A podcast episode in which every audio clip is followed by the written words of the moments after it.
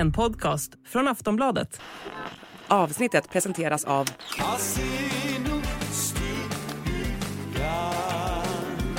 Stödlinjen.se, åldersgräns 18 år. Hej och välkomna till Kungligt. Jag heter Sara Eriksson. Och jag heter Jenny Alexandersson. Harry och Meghan har inte levererat som de lovat och nu sätter Spotify ner foten. Och samtidigt så pågår en tvist gällande prinsens visum och frågan är om han kommer att få behålla det. Och så ska vi prata om kronprinsessan Victorias stora oro inför framtiden.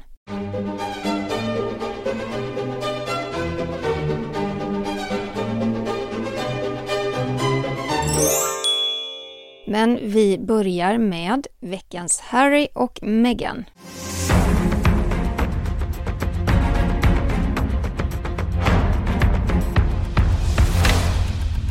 Ja, i förra veckans podd så pratade vi om att det varit väldigt magert med poddavsnitt ifrån Harry och Meghans sida. De skrev ju ett eh, lukrativt avtal med Spotify och startade faktiskt två olika poddar. Den första där både Harry och Meghan medverkade, men Jenny, de kom ju faktiskt bara ut med ett enda avsnitt, eller var det ett par? Ytterst få. Ja, men det där är så rörigt. Jag minns att det var någon trailer där man även hörde Archies röst. Ja. Men, eh, men de, de där poddavsnitten har i så fall fallit i total glömska hos de flesta tror jag. Utan nu är det ju Megans podd Archetypes man pratar om. Mm. Och där intervjuade ju Megan kända kvinnor. Det var en annan man också, till exempel Trevor Noah var med. Eh, annars var det ju stjärnor som Mariah Carey, Serena Williams. Och så var ju då syftet med den här podden att Megan ville försöka slå hål på olika fördomar om kvinnor. 13 avsnitt kom ut. Jajamän. Det sista sändes i november 2022. Och Sen blev det tyst. Ja men sen har vi inte hört någonting. Och eh, kritiken har ju varit rätt så hård emot den här podden och många ansåg att det mer var Meghan som hördes och inte de här gästerna då som hon bjöd in. Eh, syftet var väl ändå kanske att få höra deras sida av sina berättelser men det blev väldigt mycket Meghan i podden, så var det ju. Och häromdagen så kom det en bomb. Det är nämligen så att Spotify har eh, gjort sig av med Harry och Meghan. Men det här beslutet är fattat i samförstånd som man säger, enligt ett uttalande från Spotify och även prinsparet. Vi vet ju att Spotify betalade runt 20 miljoner dollar för prinsparets tjänster. Men nu avbryter man alltså i förtid. Och enligt källor till Wall Street Journal så har Harry och Meghan inte då uppfyllt produktionskraven. Det är oklart om hela ersättningen kommer betalas ut. Men det är också så här, har vi inte anat detta, Sara? Jo, men vi, Vi har ju klagat på dem. Ja men vi pratade om det här senast förra veckan, just att så här, vad hände egentligen med eh, Megans podd? Och man blir ju så intresserad, jag undrar verkligen vad dealen var från början, om det fanns liksom någon form av deal på x antal avsnitt eller hur länge den skulle liksom hålla på. Eh, från början var det ju så att man släppte ett avsnitt varje vecka, men som sagt bara fram till november och sen har det ju varit helt tyst på den här sidan. Mm. Och kommentarerna från Spotify är faktiskt inte nådiga. Det är lite ovanligt att det blir så efter en brytning. Men Bill Simmons, han är chef för podcastinnovationer och intäkter på Spotify. Han har själv flera olika poddar och i en av dem så pratar han om Harry och Meghan. Och han sparade inte på orden. Eh, han avslöjar då att den här dealen med Spotify mellan paret och företaget, den låg på 266 miljoner kronor. Det är ingen dålig deal. Det är en sjuk deal. Ja, rätta ord. Det var ett av de största avtalen som Spotify faktiskt någonsin har gjort med en kändis. Men de var ju då långt ifrån nöjda med parets insatser. Eh, vi kan väl läsa upp vad som sades, eller hur? Ja, alltså det... Jag är lite ändå chockad över... Alltså det är så ovanligt att man hör såna här kommentarer från ett storföretag efter att man har typ gjort slut med någon. Ja men samtidigt, så, särskilt också i och med att man skrev så här att beslutet är fattat i samförstånd. Alltså det låter ju väldigt så här fredligt och, och som att det har gått väldigt bra till. Men Bill Simmons säger så här. De jävla bedragarna. Det är namnet på den podd som vi borde lanserat med dem. Jag måste bli full en kväll och berätta historien om mitt Zoom-samtal med Harry där jag försöker att hjälpa honom med en podcastidé. Det är en av mina bästa historier. Alltså på riktigt Sara, det är ändå exceptionellt måste jag säga att någon är så frispråkig kring ett samarbete som tydligen har gått totalt snett. mm, Jag undrar också hur diskussionerna gick då kring Megans eh, podd mm, mm. i och med att den fick så mycket kritik. det var nog ändå rätt mycket lyssningar på. Jag, tror folk var nyfikna på den. Ja, det tror jag verkligen. Alltså, ja, man själv satt ju, jag har lyssnat på varenda avsnitt och det var ju intressant att se, ja men det var en stor grej också när de presenterade att så här, Megan startar en egen podd hos Spotify. Men jag blir också så nyfiken på ifall att, ja men han säger att han, han vill berätta om den här historien och undrar om den kommer liksom att, det är klart att han kommer berätta om den och frågan är då om den kommer nå pressen. Ja, det, det vore spännande att höra den. Hur det faktiskt har gått till. Hur det allting. har gått till. Men uppenbarligen, alltså det, på något sätt är det också lite svårt för att det här ger ju alla kritiker vatten på sin kvarn. Mm. Det finns ju på so sociala medier, ehm, ja men en, vad ska man säga, en massa, en enorm massa med människor som gärna skriver elaka kommentarer eh, kring Harry och Meghan. Så de har ju verkligen fått eh, en störtflod av eh, vatten på sin enorma kvarn. Ja, och- jag tittade på något klipp, jag tror att det var, det var från någon brittisk nyhetssändning där de satt och diskuterade det här och det många pratade om där och då var ju just så här att om, om nu Spotify har vaknat och inte tycker att de levererar, är det fler medieföretag som också kommer att göra det? För det är inte bara Spotify som de faktiskt har gjort sådana här monsterdealar med. Nej, en, ett annat storföretag är ju Netflix och där fick vi för någon vecka sedan reda på att Harry och Meghan har ett nytt projekt på gång. De kommer inte stå framför kamerorna utan mer bakom. Men å andra sidan, det är ju inte säkert att det blir något av det heller. Jag menar, Meghan hade ju eh, för en tid sedan ett projekt på gång om en, en tecknad serie tror jag, med en liten flicka som skulle då röra sig genom historien och träffa olika kvinnor som varit betydelsefulla för historien. Det projektet lades ju ner. Så det känns ju också som att är de lite svåra att jobba med? Ja det är frågan. Å andra sidan gjorde de ju den här stora dokumentären med Netflix i sex delar där de verkligen fick berätta sin historia och eh, det var ju väldigt stort fokus då på just uttågandet ur brittiska kungahuset och deras upplevelse av hela den händelsen. Men enligt uppgifter till tidningen så letar ju Harry och Meghan nu efter andra medieföretag att erbjuda sina tjänster till. Vi har också förstått att både prins Harry och Meghan är lite intresserade av att jobba mer bakom kameran nu framåt, eller hur? Ja, det var ju det vi pratade om. Ja, Ja. ja, och jag menar de har ju gjort flera stora grejer. De, Prins Harry gav ju ut sin självbiografi också tidigare i år. Mm. Så att det, det är klart att de producerar saker. Men det verkar ju väldigt svårt. och gällande få självbiografin så sägs det också att Harry faktiskt inte bara skrivit avtal om en bok där, utan flera. Så frågan är vad som kommer på bokfronten framåt. dem- Ja, Det blir spännande. Det blir spännande. Vi följer det. Mm. Men Megans nästa karriär pratas det mycket om i brittiska medier. Som alltid är intresset enormt stort. Ehm, man tror att Meghan kommer att vilja satsa på någon slags influencerroll. Eh, I en intervju med GB News så sa den amerikanska hovreportern Kinsey Schofield att hon tror att Megans nästa steg blir att producera och skapa innehåll online och på det viset då satsa på influenceryrket. Det har vi också pratat om, att Meghan var intresserad av att skapa en eh, digital plattform liknande den som Gwyneth Paltrow har, Mm, som heter Goop. Den eh, är ju enormt stor och eh, Gwyneth tjänar ju enormt mycket pengar på det.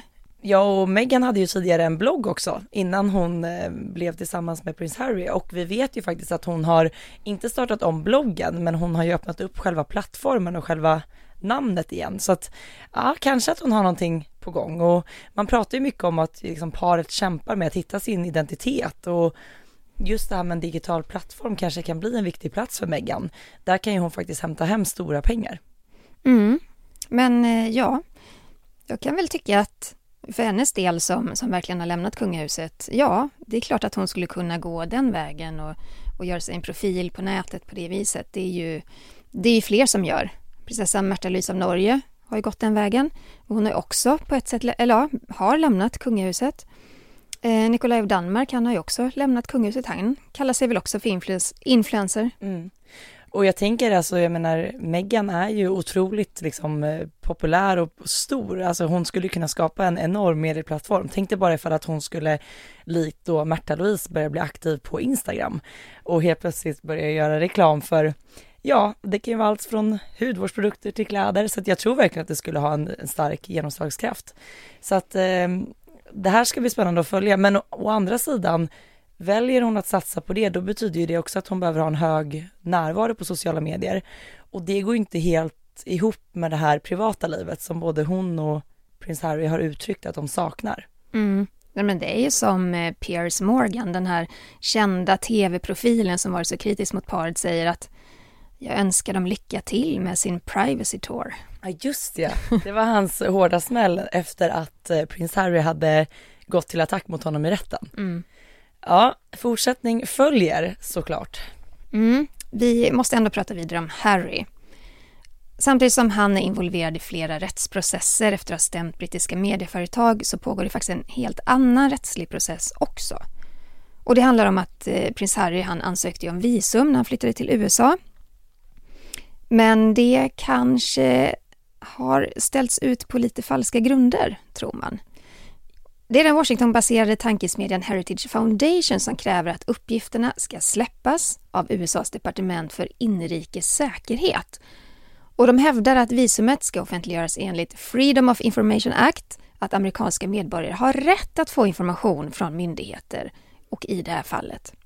Ja, och om man i sin visumansökan eh, erkänner att man använder eller har använt droger så får man nästan alltid avslag.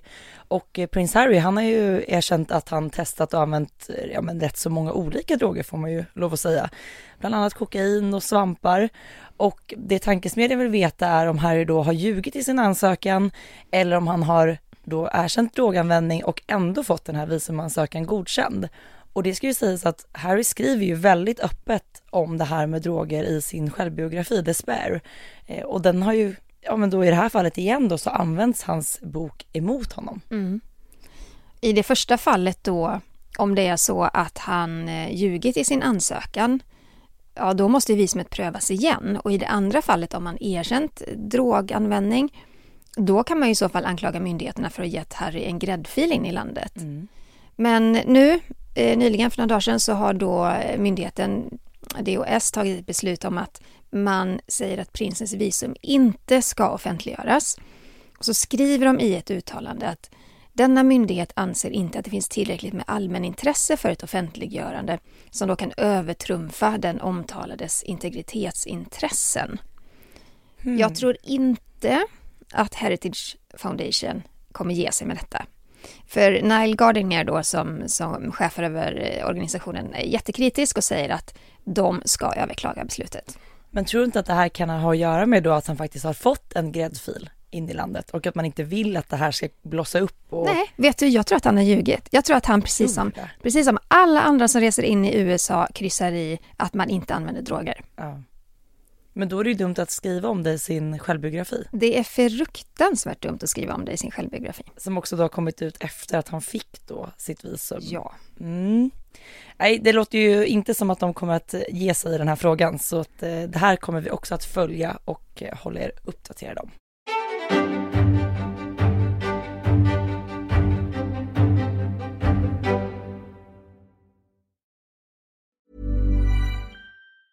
Say hello to a new era of mental health care. Cerebral is here to help you achieve your mental wellness goals with professional therapy and medication management support. 100% online.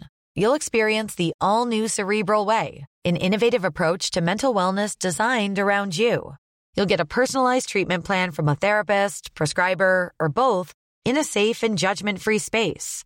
Your Cerebral therapist or prescriber will outline a customized plan with clear milestones along the way so you can get to feeling your best. With Cerebral, you're not alone in your mental health journey.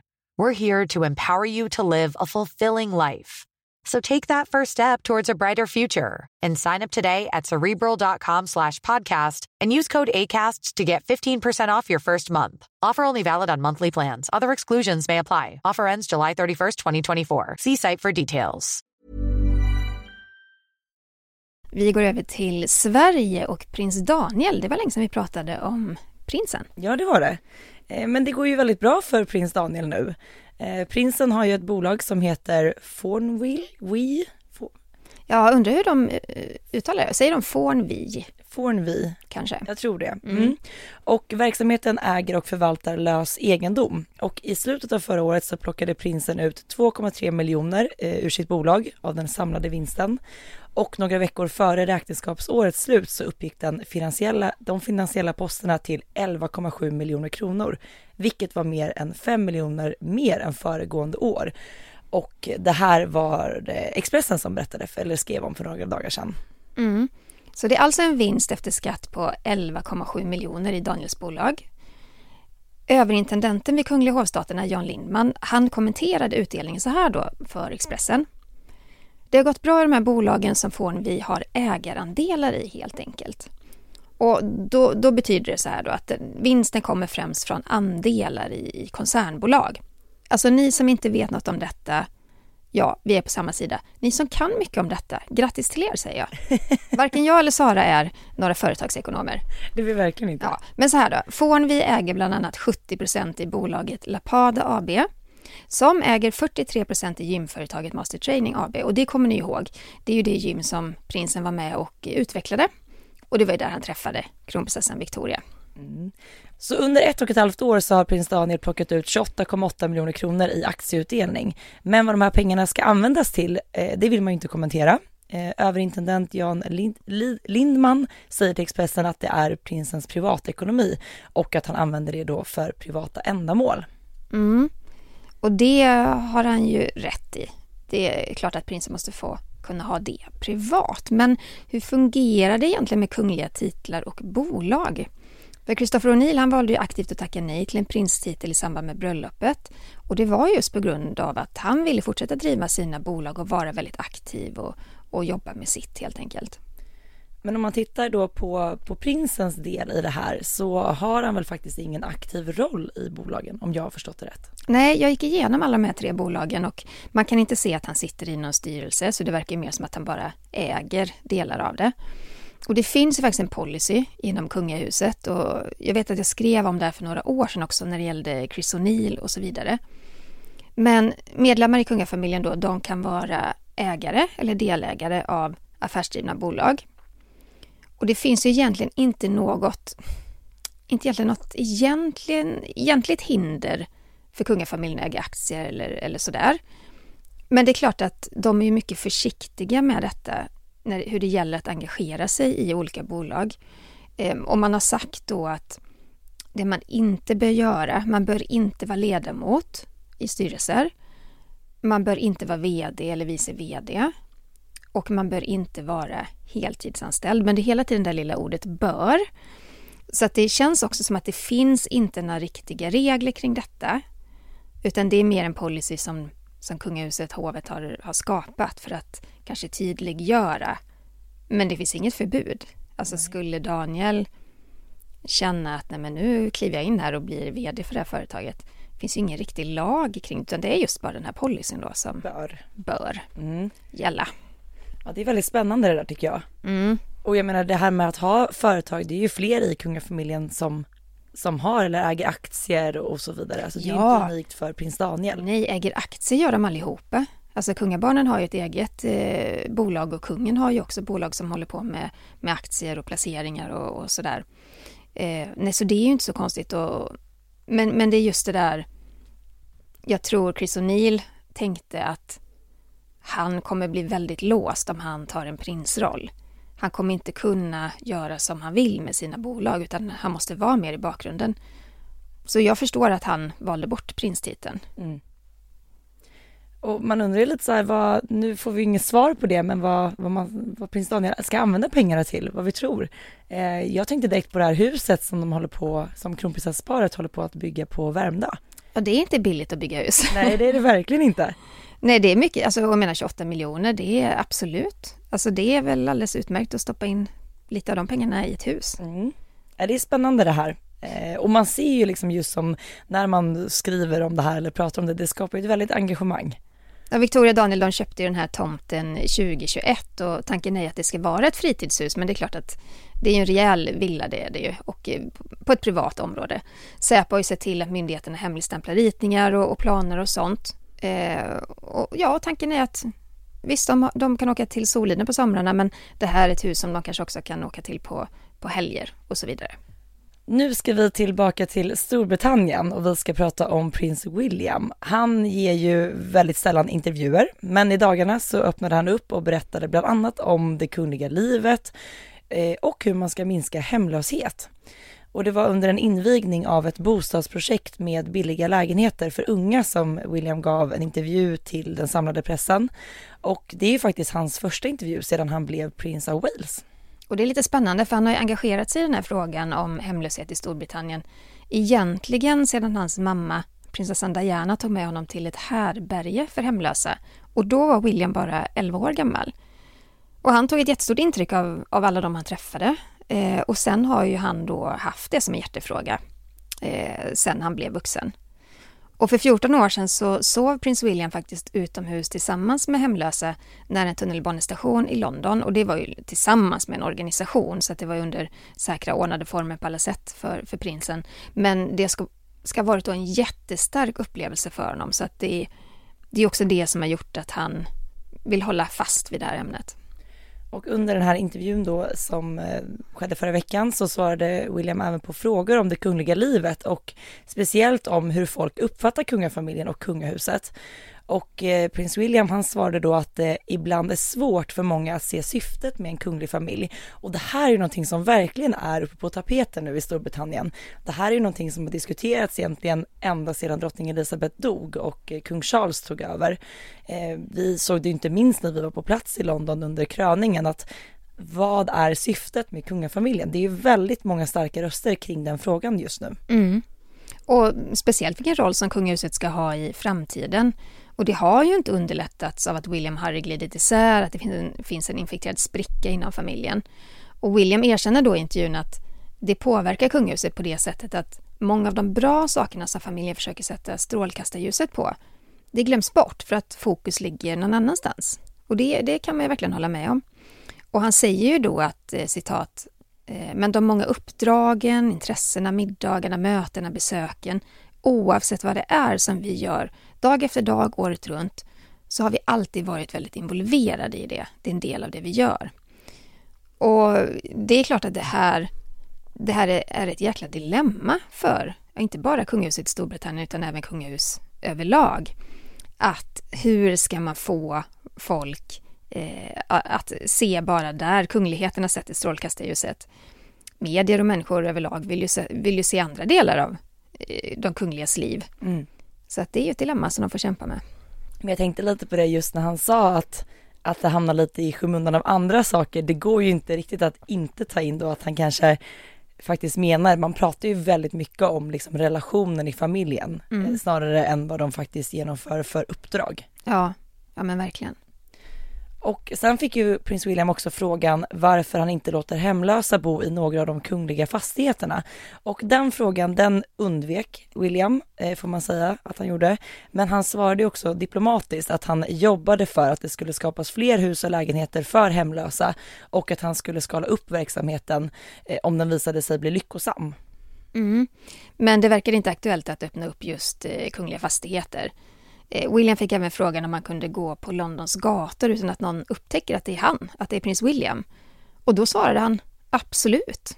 Vilket är lite en sån motsats till vad prins Harry sa i, i rätten, att han absolut aldrig kunde gå på Londons gator och alltid tog bilen hit och dit. Jag blev lite förvånad över Williams svar. Um, för jag tror inte riktigt på att det är så. Jag tror det går, tar ganska så kort tid innan någon upptäcker att det ja. är prinsen av Wales som är ute och spatserar. Men han berättar då att han sällan ger pengar till hemlösa. Han köper hellre mat eller något att dricka. Och så kritiserar han folk för att eh, om de som ger pengar till hemlösa, de tittar knappt på de här människorna som, som behöver hjälp.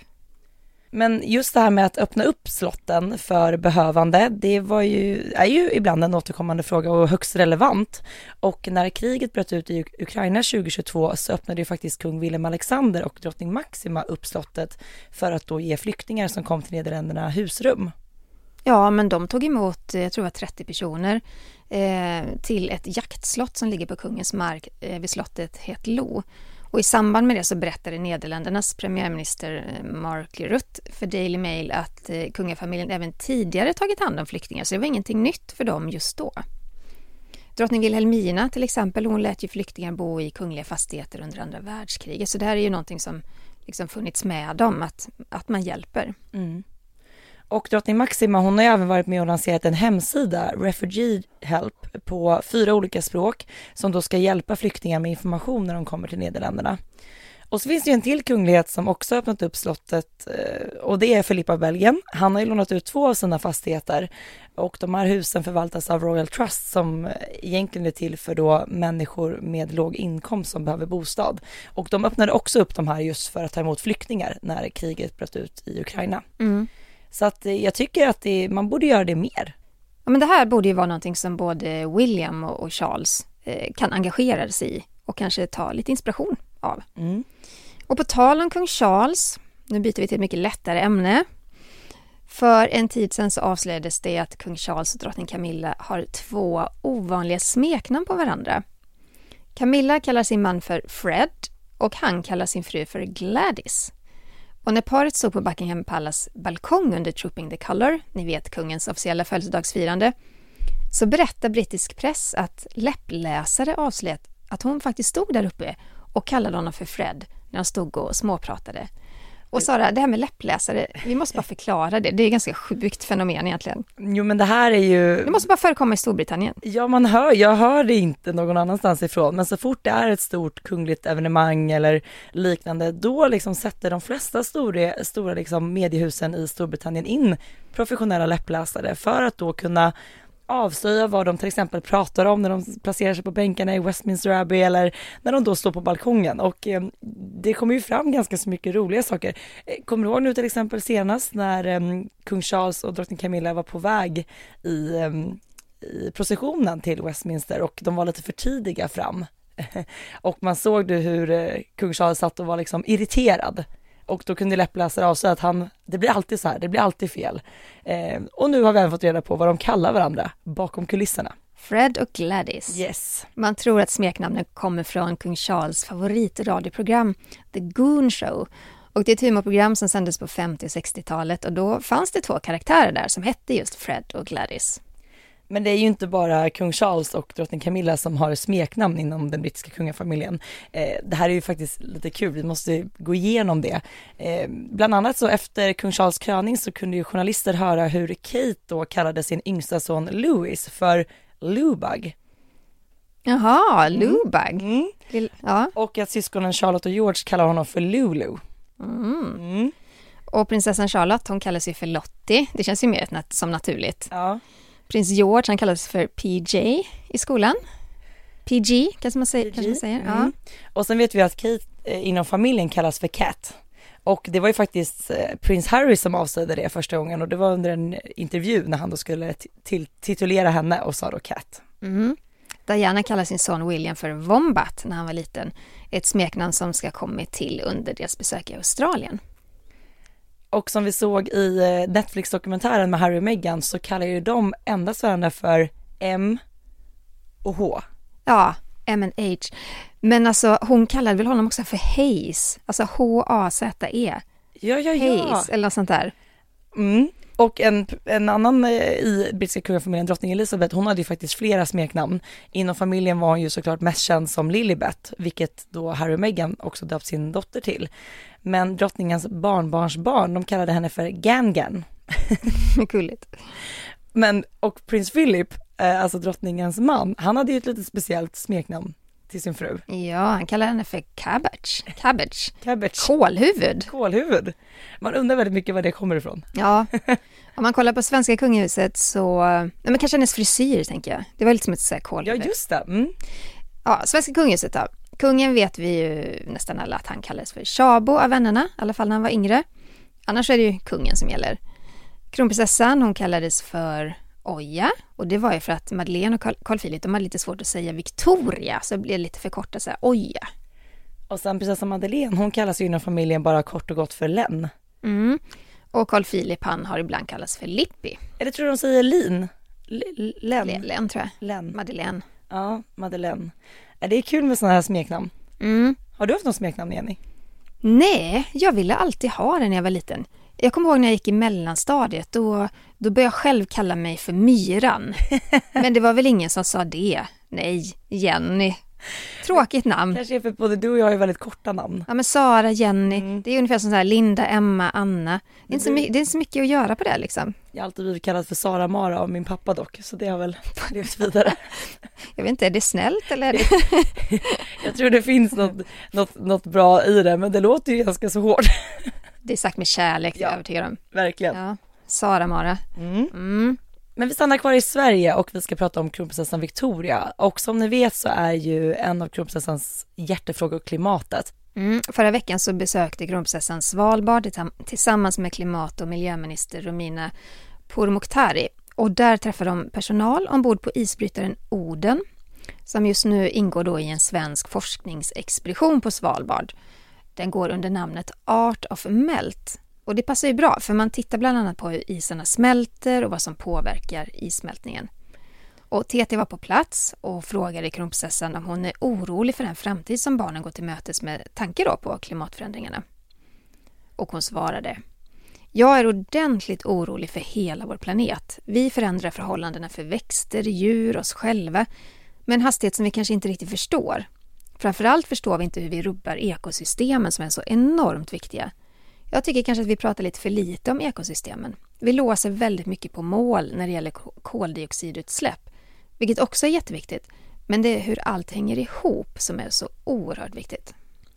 Och kronprinsessan fick ju även frågan vad hon själv gör för att minska sitt klimatavtryck hemma eller på jobbet. Och kronprinsessan svarade att hon försöker vara en medveten konsument i sina val och i de valen som de gör hemma. Och så sa hon så här citat. Det är inte så lätt att vara konsument och det är inte alltid så lätt att leva som man önskar. Men att göra det man kan i det lilla och kanske i det lite större, slutcitat. Mm. Jag kommer ihåg att eh, Victoria var på Svalbard 2008 och då var hon ju där med Håkon och eh, Fredrik, så de tre hade liksom det här miljöprojektet tillsammans. Och det blev faktiskt en bok av det sen. Så Victoria, Fredrik och eh, Håkon, de skrev själva i den här boken om de här upplevelserna. Och jag tycker det är fint att hon håller i de här frågorna, år ut och år in. Ja men det är ju väldigt viktigt och väldigt bra att kungligheter väljer att liksom rikta sitt strålkastarljus till viktiga frågor och det här är ju absolut en viktig fråga.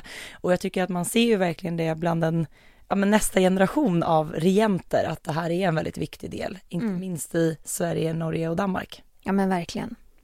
Och på tal om Danmark, Sara.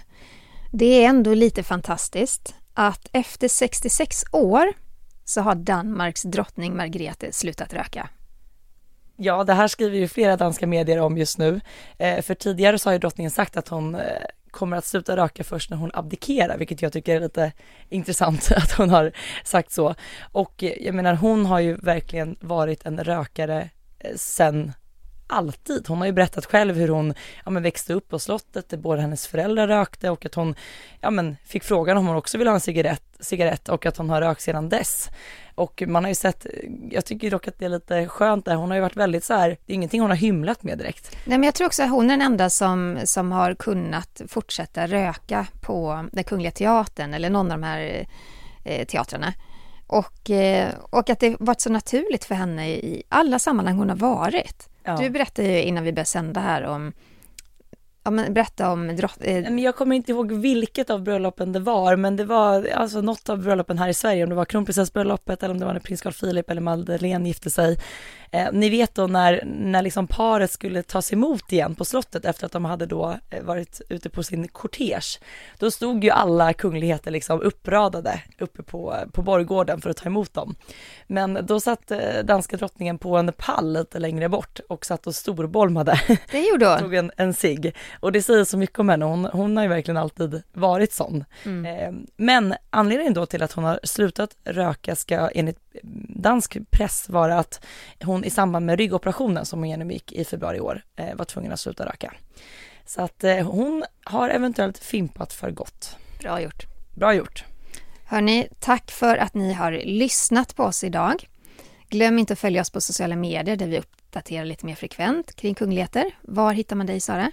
Royalistan.se heter jag på Instagram och var hittar man dig? Också på Instagram, kungligt med Jenny heter jag där.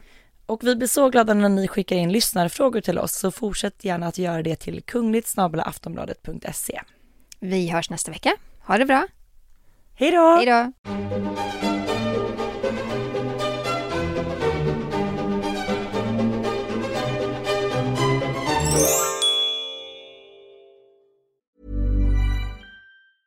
Hey, I'm Ryan Reynolds. Recently, I asked Mint Mobile's legal team if big wireless companies are allowed to raise prices due to inflation. They said yes. And then when I asked if raising prices technically violates those onerous two year contracts, they said, What the f are you talking about, you insane Hollywood ass? F- So to recap, we're cutting the price of Mint Unlimited from $30 a month to just $15 a month. Give it a try at mintmobile.com slash switch. $45 upfront for three months plus taxes and fees. Promo rate for new customers for limited time. Unlimited more than 40 gigabytes per month. Slows. Full terms at mintmobile.com. Du har lyssnat på en podcast från Aftonbladet. Ansvarig utgivare är Lena K Samuelsson.